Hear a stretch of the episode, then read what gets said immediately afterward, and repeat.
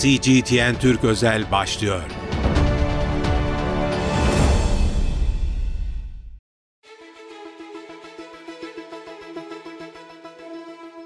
CGTN Türk özel yayınından merhaba ben İlkay Akkaya. Bugün gündemimizde Amerika'daki sınır tartışmaları var. Yine o alanı bilen, bu konu üzerine çalışan gazeteci Sarp Sinan Hacır konuğumuz. Hoş geldiniz. Hoş bulduk, merhaba. E, açıkçası son günlerde çok ilginç e, olayları izliyoruz Amerika'da. E, merkezi hükümetle eyaletler arasında bir tartışma var e, ve bu krize dönüşmüş durumda. Neler oluyor Amerika'da? Evet, e, dürüst olmak gerekirse son 4 yıl Amerika Birleşik Devletleri'nde e, yasa dışı göçün gündeme oturduğunu söylemek mümkün. E, bu süre zarfında Biden hükümetin ilk hamlesi e, Kamala Harris'i, Başkan Yardımcısı Kamala Harris'i e, Güney Amerika ülkelerine yollamak olmuştu. Ve Kamala Harris oraya gittiğinde demişti ki buraya gelmeyin. Çünkü bir e, göç akının başladığı biliniyordu ve bundan sonra daha da kötüleşeceği de biliniyordu. Hatta o dönemde Kamala Harris ile Joe Biden arasında bir gerginlik olduğu iddia edildi. Dendi ki CNN e, CNN'de çıkan bir makaleye göre hı hı. E, Biden Kamala'yı kazanamayacağı bir göreve gönderdi. Başarılı bitiremeyeceği bir göreve gönderdi ve bu yüzden Kamala tepki gösterdi diye. Bugün baktığımızda Kamala Harris'in orada yaptığı e, çağrıların karşılık bulmadığını görüyoruz. 4 yıl içerisinde 7 milyona aşkın göçmenin sınırdan girmeye çalıştığı biliniyor. Sadece Aralık ayında 300 bin kadar göçmenin sınırdan geçmeye çalıştığı hı hı. söyleniyor. Bunların 2 milyon belki 2,5 milyon kadarının hala ülkede olduğu ve belki de daha fazlasının ülkede olabileceği konuşuluyor. Bu Amerika gibi büyük bir ülkenin bile üstünden atabileceği kolayca bir yük değil. Ve bundan sonra daha e, fazlasının da gelmesinden korkuluyor. E, bunu fırsat bilen e, cumhuriyetçiler biraz da demokratların bu konuda zayıf kalmasını kullanarak politik gündemlerinin merkezi haline getirdiler göç meselesini. E, 2024 seçimlerine hazırlanan Trump'ın kampanyasında bir numaralı hadise göç konusu oldu. Ee, sadece Trump değil bütün e, cumhuriyetçi siyasetçiler de aslında bu konunun üzerine yoğunlaşıyorlar. Mesela 2022 e, ara seçimlerinden önce bir olay yaşanmıştı. Florida valisi Ron DeSantis ve bugünkü olayın kahramanı Texas valisi Greg Abbott ikisi birlikte e, bir karar aldılar. Dediler ki bizim e, eyaletlerimizin içindeki bütün yasa dışı göçmenleri biz toplayacağız, otobüslere koyacağız ve e, demokratları demokrat eyaletlere yollayacağız dedi. Çok tanıdık bu tartışmalar bir yanıyla. e, ve onlar yaptılar. onlar yaptılar e, ve komik bir sonuç ortaya çıktı. Çünkü işte madem bu kadar seviyorsunuz buyurun siz bakın dedi bu eyaletler. Ve bu tam da seçim öncesi yapılan bir hareketti. Çok da alkış gördü Amerikan halkı e, karşısında. Şimdi tekrar bir seçim sürecine girdik ve e, benzer bir olayla yine e, karşı karşıyayız. E, ne oldu? Biraz e, onu evet, kısaca biraz oraya da e, bir söyleyelim. Teller, sınırlar, orada çıkan gerginlikler. Tabii. Şimdi e, geçtiğimiz haftalarda, daha doğrusu bu bir süredir devam ediyor ama geçtiğimiz haftalarda e, tekrardan alevlendi. E, Rio Grande Nehri'nin Teksas'taki e, Amerika tarafındaki kısmına dikenli teller konuldu. Hı hı. Ve bu dikenli tellere Joe Biden hükümeti dedi ki bunları kaldırın. Çünkü e, geçmeye çalışan insanlar orada boğuluyorlar, ölüyorlar, ölenler var. Bu insan haklarına aykırı, böyle bir şey koyamazsınız bunları kaldırın dedi. Ee, Texas hayır kaldırmıyoruz dedi. Kaldırmamaları için de bir takım gerekçeler sundu.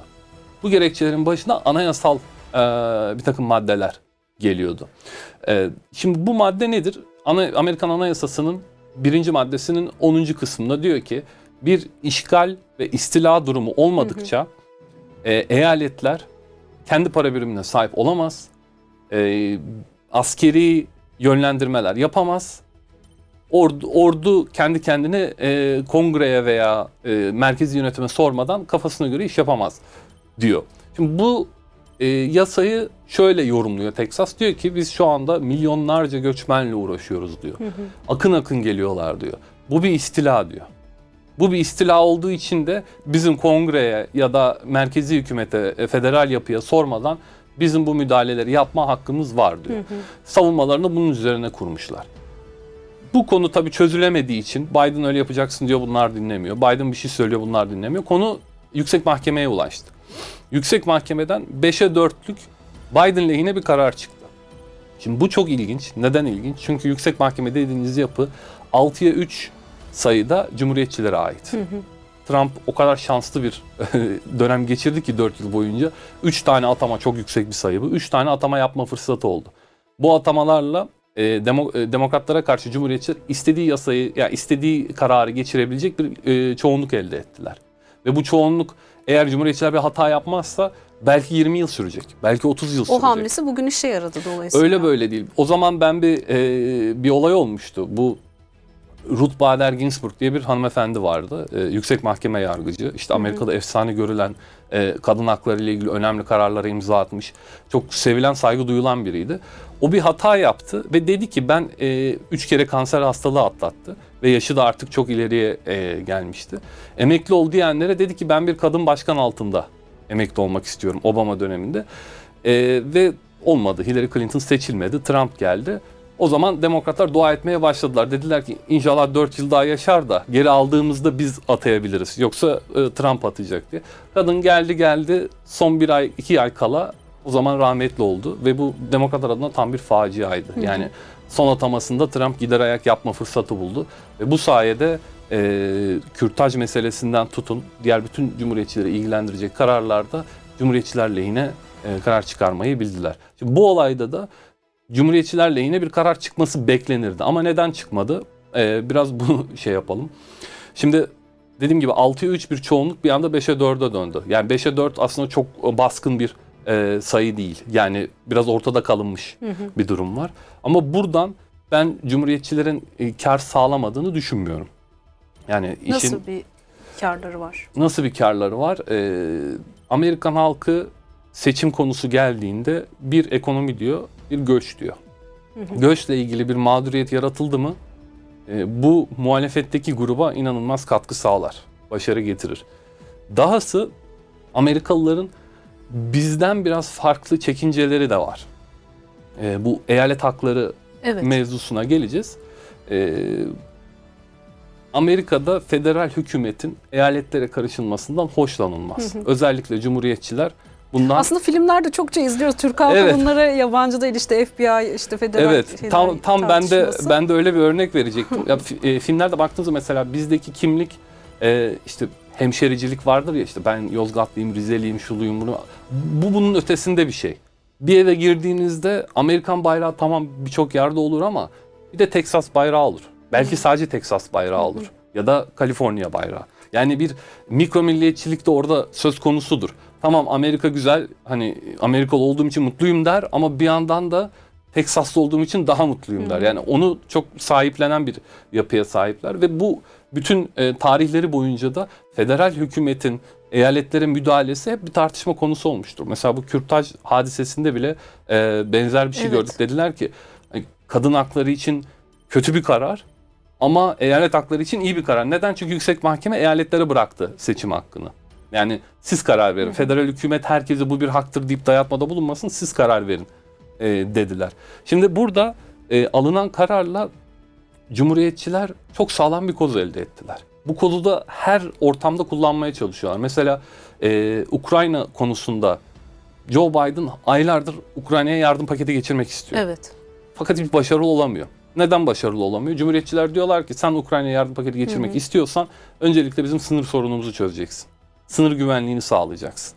Fakat bu olmadı. Yani bu karar sonrası mı bu sınırdaki bu hareketlilik bu kadar arttı? Yani işte bir itiş kakışlar, oteller ör- kaldırılmaya çalışıyor, konulmaya çalışıyor. Yok. Geçenleri engelliyorlar. Yok yani e, kararla ilgisi yok. E, göç dalgası zaten, Zaten geliyordu. vardı. Ama e, demokratların D'sinin adı duyulduğunda e, Güney Amerika'da bir hareketlilik başlar. Hani ha, kapılar açıldı biz gireriz rahat bir şekilde diye. E, ama onun dışında da hem ekonomik bir takım e, zorluklar, Covid sonrası dünyanın bir zorluğa girmesi. Çünkü 2022'de bu işin çok yükseldiğini görüyorsunuz. Yani 2020'de seçildi Biden ama 2022'de inanılmaz patladı. %40 kadar e, bir Hatta siz de yayına girmeden önce de konuştuk. Türkiye'den bile e, Türkiye'den bile gidenler girenler var. Evet, evet. Şu anda bu e, çok ciddi bir e, şeye dönüştü. Yani cumhuriyetçiler için bir koza dönüştü öyle diyeyim. E, peki e, bu son e, dönemde o artık itiş kakışa varan e, eyaletle şey arasındaki meydan okuma şeklinde yorumlanıyor ki bu da 70 yıldır e, ilk kez karşılaşan karşılaşılan bir e, durum e, olarak söyleniyor. Peki şimdi Amerika'da tabii seçimler de e, fazlasıyla gündem. e, biraz girizgah yaptınız ama e, bu iş burada ne kadar etkili olacak? Seçimleri ne kadar etkileyecek bu bu mesele? E, bir, tersinden de seçimler bu meseleyi ne kadar etkileyecek?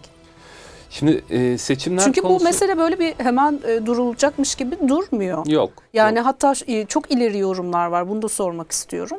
Yani bu iç savaşa kadar gider mi e, bu süreç şeklinde yorumlar var. Ne diyorsunuz Şimdi bu işe? e, öncelikle iç savaş kısmından başlayayım isterseniz. İç savaş dendiğinde e, Amerika zaten bundan bir tane yaşadı. Biraz ona bakmak lazım. Nasıl bir ortam vardı, neler yaşanmıştı. Bugün buna karşılık ne gelebilir? Yani tarihte her olayı ben kendine has görmeyi tercih ederim. Hani tarih tekerrürden ibarettirden ziyade her olay kendine hastır. Bunu kabulleniyorum. Ama bir yandan da ülkede e, benzer dinamikler hala duruyorken nasıl bir karşılaştırma yapabiliriz diye düşünmek lazım. E, 1860'ların Amerika'sına bakıldığında kuzeyi son derece endüstriyelleşmiş, artık köle emeğine ihtiyaç duymayan bir yapıydı. Güney ise buna karşın daha tarımsal e, ve köle emeğini hala kullanmak durumunda kalan bir e, bölgeden söz ediyoruz.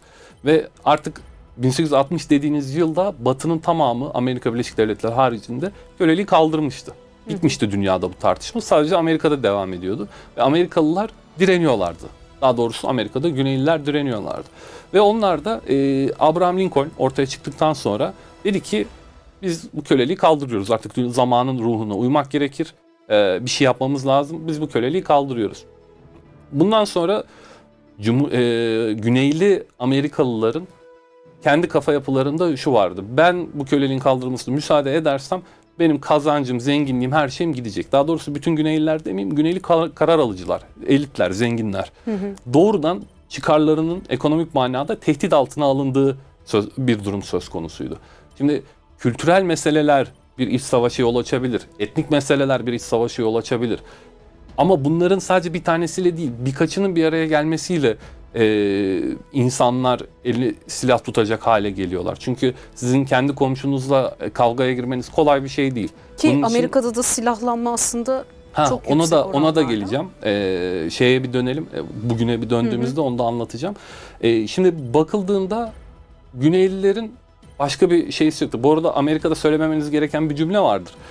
Geçen e, başkanlık adayı Nikki Haley söyledi bunu ve canı çok yandı. Nedir o? Eyale, iki, e, iç savaş eyalet hakları ile ilgiliydi. Bunu söylediğiniz anda kıyamet kopuyor ki kopması da doğal çünkü eyalet hakları ile ilgili değildi.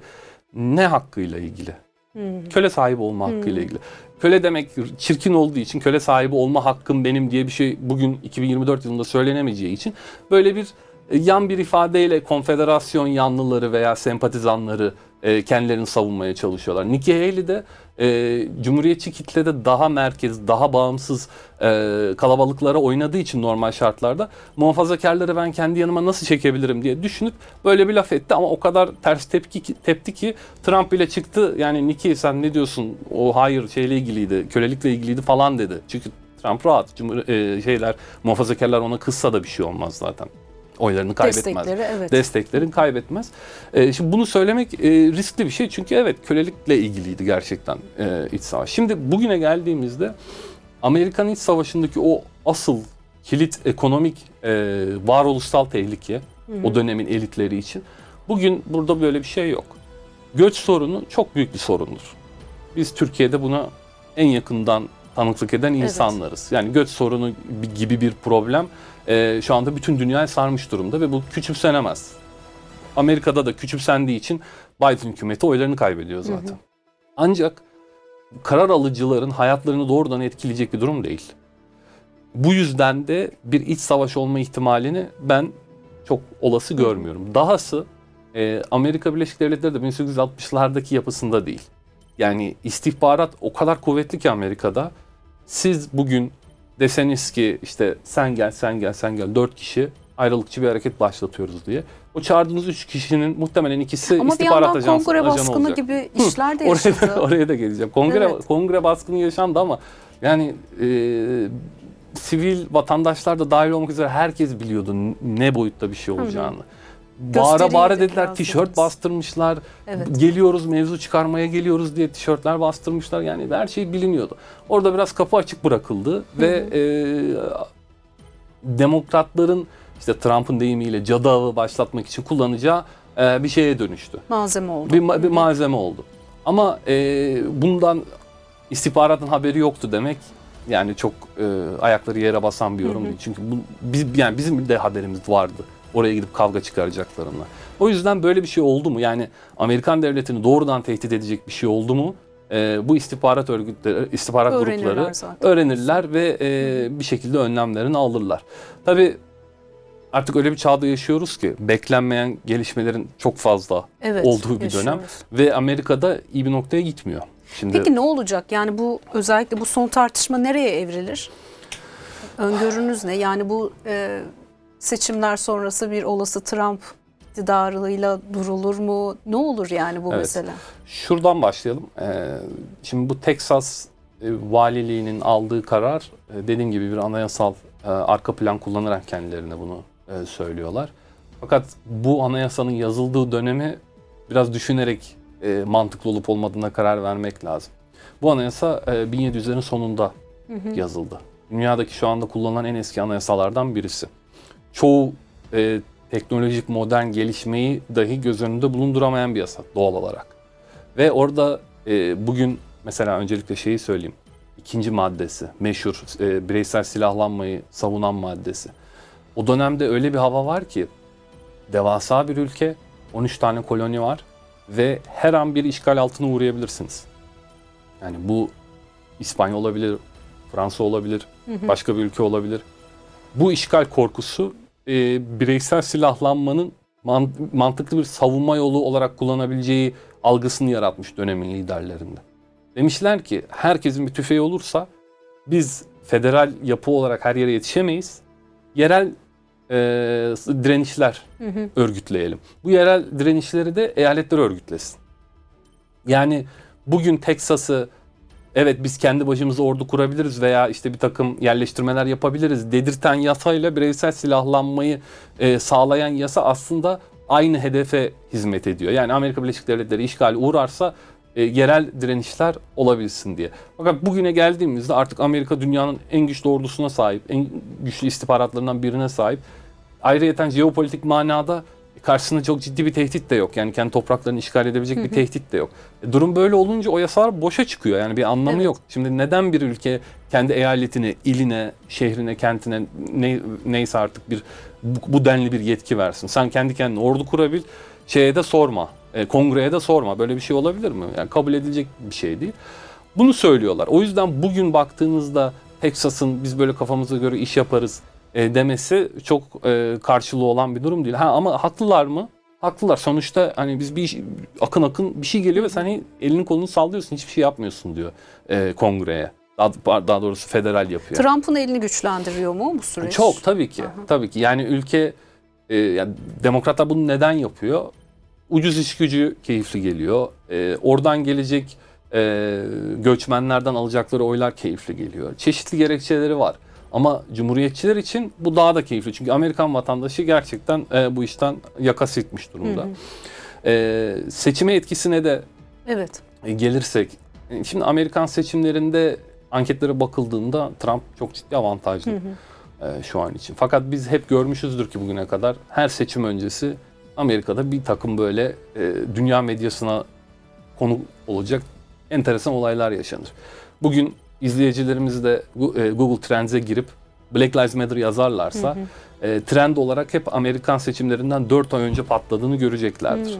Yani bir bilgi. maalesef ki Amerika e, da polis şiddeti siyahlara karşı hep var. Yani bu ayda açıp baksanız çok ciddi sayıda siyahi vatandaşın haksız yere polis tarafından öldürüldüğünü görebilirsiniz. Ama tam da seçimden önceki yaz gündem oluyor. Herkes sokaklara iniyor, kıyamet kopuyor. Neden? Çünkü e, siyahlar normal şartlarda Demokrat Parti'yi çok seven e, insanlar değiller. Cumhuriyetçilerden nefret ediyorlar ama demokratlara da çok bayılmıyorlar. Siz bir sistemin parçasısınız ikiniz de diye bakıyorlar.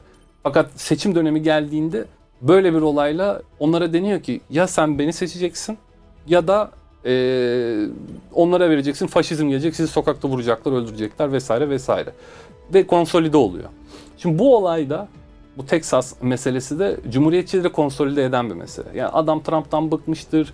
Ya sen çok işte 6 Ocak olaylarını yaptın, mahvettin bu ülkeyi falan filan. Ama Biden'ı daha az seviyordur. Biden'dan nefret ediyordur. Böyle bir olay olduğunda tekrar konsolide veriyor. Ha, bu demok- bir toplum Tabii, çok tabii. fazlasıyla. demokratlara bırakırsak bu ülke e, göçmenden geçilmeyecek. O yaratı- yaratılan korku bu ve bu seçimlerde de e, işe yarayacak bir durumdur yani. Peki e, şunu da sormak istiyorum son olarak. Bu uluslararası ilişkiler kısmı tabii artık yani e, Amerika'da olup bitenler bütün dünyayı etkiliyor. E, Bütün dünyadaki meseleler de Amerika'nın seçimlerini etkiliyor. E, Bir yanda Ukrayna meselesi var. Şimdi bir yanda e, İsrail-Filistin savaşı var. Şimdi bir de İran'la olan e, bu bizim bölgemizdeki gelişmeler var. E, bu işler Trump'la Biden arasında nerede duruyor? Yani e, ne kadar etki edecek? Evet.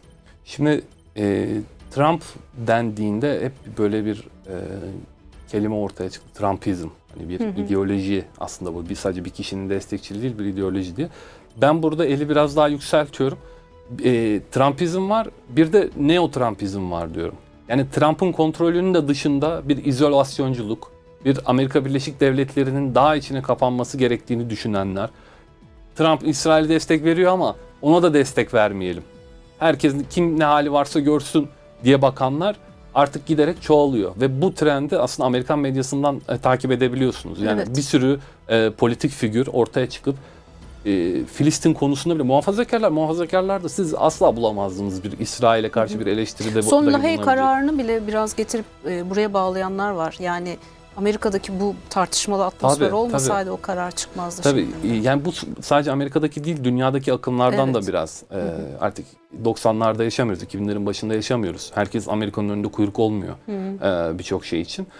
E, Amerika'da da bunu algılayan artık e, çok kutuplu dünyayı e, aklında oturtmuş. Ya aklına oturtmuş demeyeyim ama en azından bütün dünyaya siz ne haliniz varsa görün demek isteyen çok ciddi sayıda Amerikalı var. E, daha bugün e, Nikki Haley'nin görüntüsü var. Nikki Haley tam bir e, işte müesses nizam yanlısıdır Amerika'da.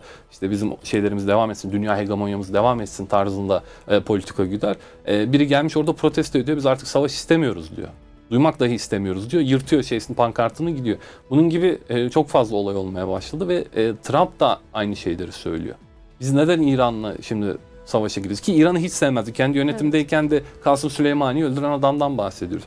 Artık dünyadaki trendler siyasetçileri, Amerika'daki trendlerde siyasetçileri bu e, akımı okumaya ve o akıma yönelik bir takım siyasetler üretmeye zorlayacak. Zorluyor. Artık siz eskisi gibi biz gidelim Irak'a bombalayalım. Oraya bombalayalım. Ne istersek yapalım. Amerikan halkı da Amerikan milliyetçiliğini kullanarak bizi desteklesin.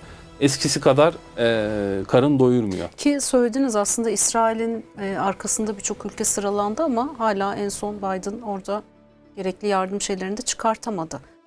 Tabii. Yani dediğiniz gibi bir e, dünyada da kutuplaşma oluşmuş durumda aslında. Tabii tabii. Yani İsrail e, İsrail'in arkasında olmalarının özellikle Avrupa ülkelerinin farklı sebepleri var. Tarihsel e, bir takım sebepleri var. Daha İsrail'in nüfuzu Amerika'dan e, bir tık daha o açıdan e, farklı, daha kuvvetli. Amerika ise e, son 5 yılda özellikle çok ciddi bir nüfus kaybetti. Yani Afrika'da nüfus kaybetti, Güney Amerika'da kaybetti, e, Asya'da kaybetti.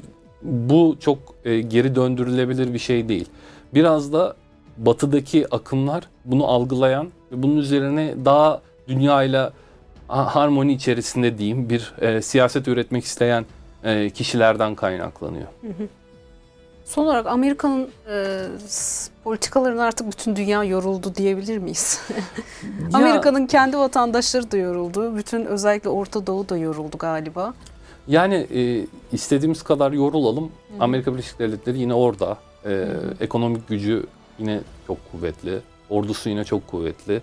Bu yüzden orada ne olduğu her ülkenin siyasetinde en azından ufak bir parmakları olduğu için. için, e, bizi ilgilendiriyor. Bundan sonra da ilgilendirmeye devam edecek. Son olarak şunu söyleyeyim. E, yani iç savaş tabii ki çok medyada heyecanlandıran bir şey. E, özellikle ABD'nin yıllardır bir iç savaş, bir darbe, e, bir şeyler e, ihraç ettiği düşünüldüğünde dünyanın her tarafına insanlardaki o şey ha şimdi de size oldu hadi bakalım. Evet siz uğraşın. evet siz uğraşın. Yani televizyonlarda bile Amerikan haritası açılmış. Üstünde işte Texas'tan şuraya gelirdi bu gelir falan böyle yorumlar yapılıyor.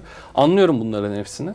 Fakat e, Amerika'daki birinci iç savaşta, birinci iç savaş diyoruz şimdi ama 60 yıl süren bir takım politik gerginliklerin sonunda ortaya çıkmıştı. Yani hemen 5 yılda Aa, biz kölelik kalkıyormuş biz hadi isyan falan değil de 60 yıl süren bir takım kutuplaşmaların, bir takım ayrılıkların e, şeysiyle ortaya çıkmıştı. Şimdi bugüne bakıldığında e, Amerika'da benzer e, durumlar izliyoruz. Çok başındayız belki ama mesela ne oluyor biliyor musunuz? Cumhuriyetçiler, e, e, Kaliforniya'da yaşayan cumhuriyetçiler cumhuriyetçi eyaletlere gelmek istiyorlar ve geliyorlar. Demokratlarsa demokrat eyaletlere gidiyorlar. Yani ideolojik ayrılık Güvenlik nedeniyle mi güvenlik insanlar bir- değil, e, kendilerine bir Aynı e, yankı insanları. odası Ha. yaratmak istiyorlar. Dinlemek istemiyorlar artık. Hı hı. Karşıt görüşlülerle bir arada bulunmak, aynı mahallede vakit geçirmek, aynı etkinliklere gitmek istemiyorlar. Kendilerine özel, kendilerine has eyaletlerimiz olsun. Biz o eyal- eyaletlerde yaşayalım diyorlar. Yani kendi aralarındaki ideolojik ayrılık bir de şimdi bir coğrafi bir e, Ayrılığa dönüşüyor. ayrılığa dönüşüyor. Bu Amerika'yı uzun vadede tehlikeli bir yola sürebilecek bir meseledir. Yani bunu çözmedikleri takdirde, ülkedeki, ülkedeki kutuplaşmayı yu- yumuşatmadıkları takdirde bu sürdürülebilir bir şey değil öyle söyleyeyim yani. Evet bu ki bu da yakın zamanda pek gerçekçi görünmüyor açıkçası. Evet, Ee, teşekkür ediyorum. Ee, çok faydalı bilgiler verdiniz. Ee, Ben teşekkür ederim, Umarım sağ olun. izleyicilerimiz ve dinleyicilerimiz açısından da zihin açıcı olmuştur. Ee, çünkü dediğimiz gibi e, buradaki gelişmeler e, bütün dünyaya etki ediyor. Dolayısıyla biz de yakından takip ediyoruz. Teşekkür ediyorum verdiğiniz Ben teşekkür için. ederim. Sağ olun. CGTN Türk özel yayınında Amerika'daki sınırda yaşanan e, gerginliği ele aldık bugün. E, gazeteci Sarp Sinan Hacır konuğumuzdu. E, Amerika'daki e, bölgeden orada bulunmuş ve e, orayı iyi bilen e, bir gazeteci. Kendisiyle bu sürecin nereye varacağını konuştuk. Tekrar görüşmek dileğiyle bize ayrılan sürenin sonuna geldik. Hoşçakalın. CGTN Türk özel sona erdi.